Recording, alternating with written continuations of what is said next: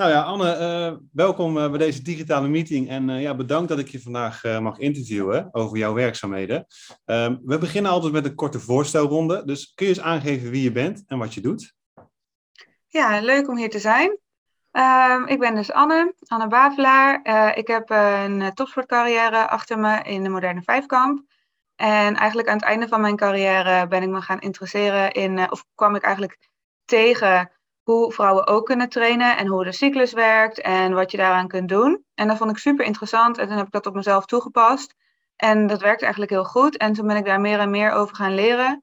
En uh, nu help ik daar andere atletes mee om inderdaad echt te leren hoe je met een vrouwelijk lichaam kan trainen. Dat is toch anders dan een mannelijk lichaam. En hoe je met je mhm. cyclus kunt werken. Ja, ja super waardevol. En je geeft aan hè, dat je het op jezelf hebt toegepast. Uh, kunnen we daar eens wat dieper op ingaan? Want wat heb je precies gedaan? Uh, ik heb eigenlijk altijd met de jongens meegetraind. In Nederland had ik wel een meer individueel uh, trainingsprogramma. En in Italië ook. Ik, ben, uh, ik heb vier jaar in Italië getraind met het Italiaanse team mee. En daar was op zich ook wel individueel, maar het meeste gedeelte was gewoon met de groep meetrainen. En um, de meiden die trainden eigenlijk precies hetzelfde als de jongens. Qua zwemmen en hardlopen, krachttraining, dat soort dingen. Misschien wat meer gewicht en dat ze natuurlijk sneller gingen. Ja. En toen ik dus hier achter kwam, dacht ik van, oh, ja, nog nooit over nagedacht eigenlijk. Ik wist wel natuurlijk wel dat in bepaalde fases van mijn cyclus ik me wat minder voelde. Maar ik heb nooit die relatie gelegd als ik een slechte dag had van, oh, dat komt daardoor of een goede dag daardoor. Mhm. Maar eigenlijk heb je nooit over nagedacht en je moet gewoon meegaan en eh, iedereen gaat gewoon door. En als je zeurt, weet je wel, dan is het ook uh, niet, ja, een beetje ongepast. Dus je gaat gewoon door en je doet wat de trainer zegt. Uh, toen, toen ik daar dus over leerde, ging er echt een wereld voor me open. En dat ik dacht van, oh, zo zit dat. En vooral eigenlijk momenten dat je dus een wat mindere dag hebt, dat je denkt van, oh, dat kan dus daardoor komen. En dit zijn dingen die je kan doen. Mhm. Dus het was meer eigenlijk een bewustwordingsproces van, wat gebeurt er in mijn lichaam? En hoe voel ik me daarbij? En um, ja, hoe kan ik me daarop ook voorbereiden en misschien uh, dingen gebruiken dat het wat beter wordt? Ja, ja. ja. want wat heb je daarin toegepast uh, om het te optimaliseren? Um, nou ja, ten eerste ben ik, tenminste, ik had altijd wel dat ik bijvoorbeeld mijn cyclus volgde. Ja. Maar uh, dat bepaalde dagen van de cyclus ging ik extra op mijn herstel. Um, of in mijn slaap, koude douches toegevoegd. Um, als ik niet kon slapen, dat is ook in bepaalde fases dat je dan ook uh, nou ja, andere dingen toevoegen. Bijvoorbeeld uh, kersensap, er zit veel melatonine in. Uh, of even ook afkoelen voor het slapen gaan. Eiwitten heb ik er veel in veranderd. Ik nam altijd wel eiwitshakes en zo. Maar gewoon bewustwording van oké, nu is het belangrijk dat mijn eiwitten hoog zijn. Nu is het belangrijk dat mijn hydratatie heel goed is. Um, ook in mijn wedstrijdvoorbereiding heb ik dingen aangepast. Dus echt al een week van tevoren dat ik weet, oké, dan heb ik een wedstrijd. Ik wil dat al mijn mineralen nou ja, je bloed gewoon qua zoutoplossing en alles, dat dat uh, optimaal is. Zeker als je een wedstrijd hebt uh, waar het heel warm is. Ja. Dus dan begon ik al een week van tevoren meer zout en nou ja, dingetjes te nemen om daar echt op voor te bereiden. En dat deed ik van tevoren niet. Wat was het verschil?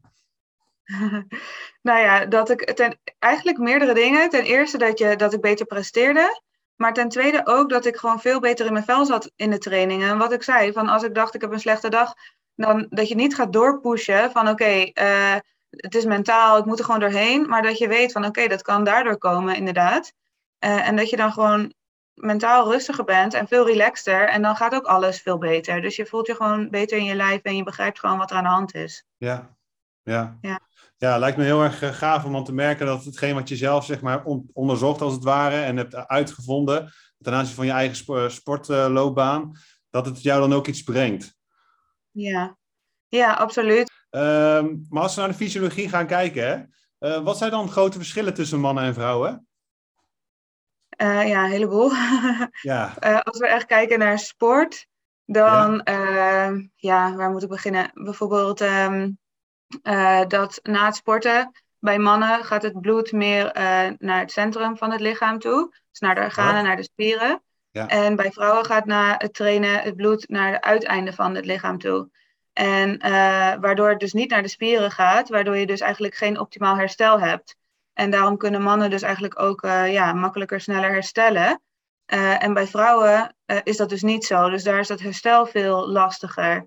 En daarom wat ik dus net ook zei, als je dan bijvoorbeeld na de training koud gaat douchen, en zeker in bepaalde fases waar je hormonen heel hoog zijn, dan door die kou stuur je het bloed eigenlijk weer terug naar het centrum van je lichaam en naar je spieren, waardoor je dat herstel stimuleert. Ja, want je knijpt eigenlijk de bloedvaatjes af, wil je zeggen, door ja, kou toe te passen. Ja, inderdaad, je lichaam krijgt een soort van shock, dus die bloedvaten gaan dicht en het stuurt het naar binnen dan. Het zit hem in details, denk ik, hè, Anne? Precies, inderdaad, kleine details. En dat is dus ook het probleem dat alle onderzoeken, die zijn vaak op mannen gedaan. Dus, uh, en die worden dan één op één op vrouwen toegepast. Ja. Uh, en nou ja, zo hebben wij natuurlijk dan jaren qua um, training, voeding, herstel, op, met die kennis getraind. Maar eigenlijk, uh, als je echt wil weten hoe een vrouwenlichaam werkt, moet je dus ook al die onderzoeken op vrouwen doen, zodat je weet wat daar het effect is. En dat ben jij ook tegengekomen dus. Ja, ja, zeker. Er worden natuurlijk heel veel onderzoeken uh, toegepast, hè, maar uh, de controlegroep en de onderzoeksgroep bestaat voornamelijk uit mannen. Ja. En dan valt dus er heel veel winst te behalen. Ja, er was een ander grappig onderzoekje waarbij uh, ze keken naar eiwitinname en de effecten van eiwitinname, spieropbouw. Um, en de, bij mannen is dat dan normaal gesproken, zeggen ze standaard 20 gram eiwitten. Dan krijg je zeg maar je spieropbouw. En uh, wat ze eigenlijk zagen in dat onderzoek is dat er bij vrouwen 20 gram niet hetzelfde effect was. Uh, dus eigenlijk was de conclusie, ja, er gebeurt niet zoveel, dus vrouwen hebben gewoon minder eiwitten nodig. Um, en daarna is er een ander onderzoek geweest waar ze zeiden van oké, maar ze hebben niet gekeken wat gebeurt er dan bij vrouwen als je de dosis verhoogt. Dus stel je geeft 30 gram eiwit na de training of 40 gram eiwit na de training. En dan pas zag je zeg maar die uh, spieropbouw. Ja. Dus ja, dat is dan ook dan, dat er zulke aannames worden gemaakt. En dat is zo breed verspreid eigenlijk. Dat vrouwen misschien wel minder eiwitten nodig hebben. Terwijl eigenlijk hebben ze juist meer nodig. En zeker als de hormonen hoog zijn. Ehm, ja, dan heb je gewoon eiwitten nodig om te herstellen. Dus dat is ook een, uh, iets wat uit onderzoek is gekomen. Wat dan jarenlang als waarheid wordt uh, gevonden. Dat zijn natuurlijk ook wel dingen waar je tegenaan loopt. Um, ja. ja, Anne, weet je, jouw um, werkwijze, hè? Dus hoe je zeg maar, vrouwen uiteindelijk op een hoger plan probeert te krijgen qua sport. Uh, welke resultaten boek jij in de praktijk? Um, ja, eigenlijk uh, ook weer die twee dingen. Gewoon dat de vrouwen beter in hun vel zitten, hun lichaam beter begrijpen. Ja. En ook uh, gewoon meer uit hun trainingen halen. Dus dan is het ook natuurlijk gewoon leuker. En wat geven en, ze dan bijvoorbeeld aan? Nou, ik had laatst een dame die, um, die doet extreme sports. En die had eigenlijk zoiets van, ja, ik heb dus het gevoel dat ik uh, voordat ik ongesteld word, uh, dan weet ik gewoon, als ik nu hard ga trainen, dan krijg ik blessures. En dan ga ik met de jongens trainen en die lachen me allemaal uit en die zeggen, hoezo, dat slaat toch nergens op? En nou ja, iedereen aan wie ik dat vraag, niemand kan me daar antwoord op geven. En dus ja, ik weet niet of het zo is, maar ik heb gewoon dat gevoel. Nou, en dan kan ik haar dus uitleggen van, kijk, dat klopt inderdaad je hebt die hormonen, je bent gewoon, je krijgt makkelijker ontstekingen in die fase. Um, dus je, en je bent ook veel moeier, je kunt minder concentreren. De kans dat je blessures krijgt in die fase is veel groter. En de meeste atleten krijgen ook blessures in die fase. Dus ze was zo blij gewoon met die erkenning en met ook de wetenschap erachter, dat ze echt dacht van ja, hier liep ik dus al de hele tijd tegenaan, maar niemand kan mij dit bevestigen en iedereen dacht dat ik gek was. Ja, maar, ga maar door krijg ik de studies die dan dit bewijzen. En dan, uh, nou ja, dan kunnen we dus ook samen kijken, oké, hoe gaan we dan trainen en hoe zorgen we dat de blessures laag blijven? En wat, ja, hoe uh, doen we eigenlijk maandelijks je trainingen? Ja, ja. Dus uh, zou ik dan kunnen stellen dat je eigenlijk helemaal in kaart brengt ehm, hoe dat zeg maar de maandelijkse ziektes voorkomt en wat je zeg maar in je schema kan doen om dingen daarin aan te passen qua sportbeoefening? Ja, precies. En het is ook heel individueel. Dus iedereen heeft natuurlijk een ander doel. Sommigen die willen gewoon harder lopen op de 5 kilometer of op de marathon of een triathlon doen. En anderen die willen echt spieropbouw. Of ja, er zijn allemaal verschillende doelen. Ja. Of beter in hun vel zitten, of beter immuunsysteem, of inderdaad geen blessures. Dus ik kijk wat heeft deze vrouw nodig. En dan probeer ik het echt inderdaad, zodat ze het uiteindelijk ook zelf kan. Dat is de bedoeling. Ja. Dat ze gewoon leert van oké, wat is er aan de hand? En dan kan ze op lange termijn gewoon zelf ermee door. Ja, oh wat goed. Ja. Hey Anne, ik kan me voorstellen dat er nog wel verschil zit qua leeftijd. Ja. En hoe ga je daarmee om? Ja, nou ja, je hebt natuurlijk als vrouwen allemaal verschillende fases waar verschillende dingen gebeuren in, um, uh, qua hormonen. Ja. Ehm, als eerste heb je natuurlijk de puberteit. En uh, dat kan al best wel jong uh, beginnen. En daar heb je natuurlijk allemaal hormonale veranderingen. En dat kan ook mentaal best wel lastig zijn voor meiden. Zeker als ze bijvoorbeeld al heel goed waren. En dan zien ze ineens dat de jongens spieren krijgen en sneller worden. Maar zij krijgt een beetje bredere heupen en misschien borsten. En nou ja, wordt dan ineens langzamer. Um, dat kan best wel moeilijk zijn voor die meiden. Dus je ziet ook dat meiden vaak in die leeftijd ook stoppen met sporten. Dus dat is Mhm. natuurlijk heel jammer. Zeker. Uh, en eigenlijk wil je dat natuurlijk ook voorkomen. En je wilt ook dat ze leren uh, hoe ze met die veranderingen in hun lichaam, want omdat die heupen ook breder worden, wordt hun zwaartepunt ook net wat anders. Dus ze moeten eigenlijk opnieuw bijvoorbeeld techniek leren. Ze, moeten, ze zijn wat, uh, worden eigenlijk een beetje vatbaarder voor blessures. Omdat de heupen breder worden, gaan die knieën naar binnen. Dus die knieën zijn wat uh, gevoeliger dan bij jongens. Mhm. Ze hebben minder snel die spieropbouw, wat jongens in die leeftijd natuurlijk heel hard krijgen.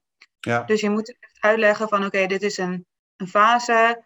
En uh, als je straks door die puberteit heen, dan hou je dat weer in. Of dan, dan komt het allemaal wel goed. Dus je moet gewoon vertrouwen hebben in hun lichaam. En niet dat ze dan ook bijvoorbeeld heel erg gaan diëten of dat soort dingen. Want dan uh, maak je het eigenlijk juist uh, erger.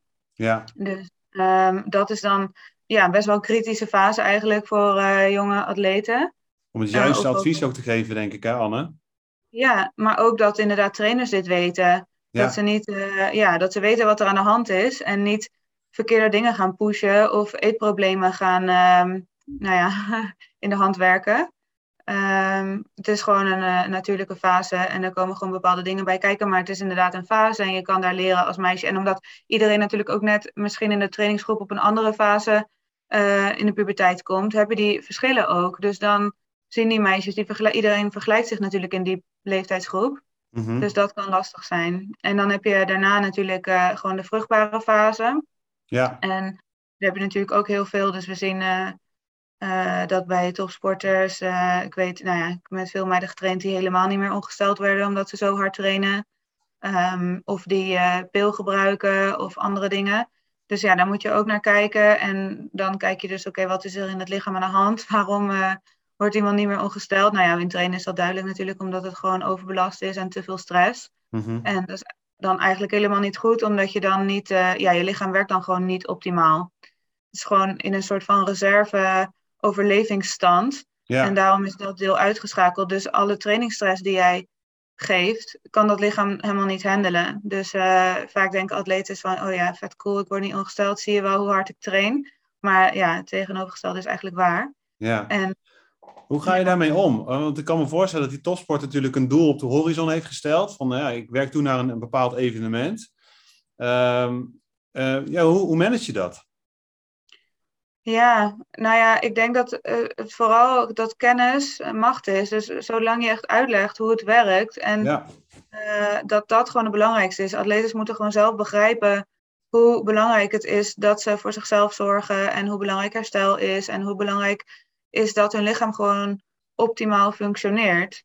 Zodat ze ook uh, nou ja, optimaal van die trainingen kunnen herstellen. En dus um, ik denk, ja, dus echt met kennis probeer ik dat. Ja, ja, ja. helder. En dan hebben we natuurlijk nog een leeftijdscategorie, hè? dus een beetje ja, na de vruchtbare fase. Hè? Ja, uh, zijn daar dan nog veranderingen in? Ja, absoluut. Want sowieso heb je natuurlijk zo'n periode van vijf, zes, nou ja, kan een beetje verschillen. Mhm. Jaar waar voor de overgang eigenlijk. Uh, overgang is eigenlijk ook maar een uh, één datum. Dat is wanneer je een jaar niet meer ongesteld wordt. Dus dat is echt maar één moment. En uh, die periode daarvoor gaan die hormonen enorm schommelen. Dus ja, dan krijgen vrouwen last van dat ze niet meer, hoe zeg je dat, um, brain fog in het Engels. Of zweten, nou ja, gewoon eetaanvallen. Het kan van alles zijn. Um, en daarin is het gewoon belangrijk, dat is eigenlijk ook zo'n kritische periode, dat je daar ook goed voor het lichaam zorgt en dat je genoeg hebt. Want als je hier echt in tekorten komt of uh, uh, ja, dat, het gewoon, dat je niet voor je lichaam zorgt, dan kan het daarna juist moeilijker worden voor je lichaam om weer te herstellen. Dus die periode is best wel lastig. En dan daarna um, zijn de hormonen natuurlijk laag. Dus je hebt uh, die periode die lastig is en dan daarna dat de hormonen laag zijn. En dan moet je eigenlijk weer opnieuw met je lichaam leren werken. Want je hebt die schommelingen van die hormonen niet meer. En ja, eigenlijk moet je een beetje opnieuw met je lichaam leren trainen. En is het nog belangrijker dat je ja, eh, weet eigenlijk wat er aan de hand is. En hoe je dan spieren wel kunt opbouwen bijvoorbeeld. Want in die leeftijd heb je natuurlijk dat spieropbouw super lastig is. Uh, dat soort dingen. Ja. Slapen lastig. Dat is natuurlijk als je aan het trainen bent, moet je gewoon goed uh, slapen. Zijn ze al bezig met onderzoeken in al die drie die categorieën die we hebben doorgenomen? Of zijn er al onderzoeken bekend?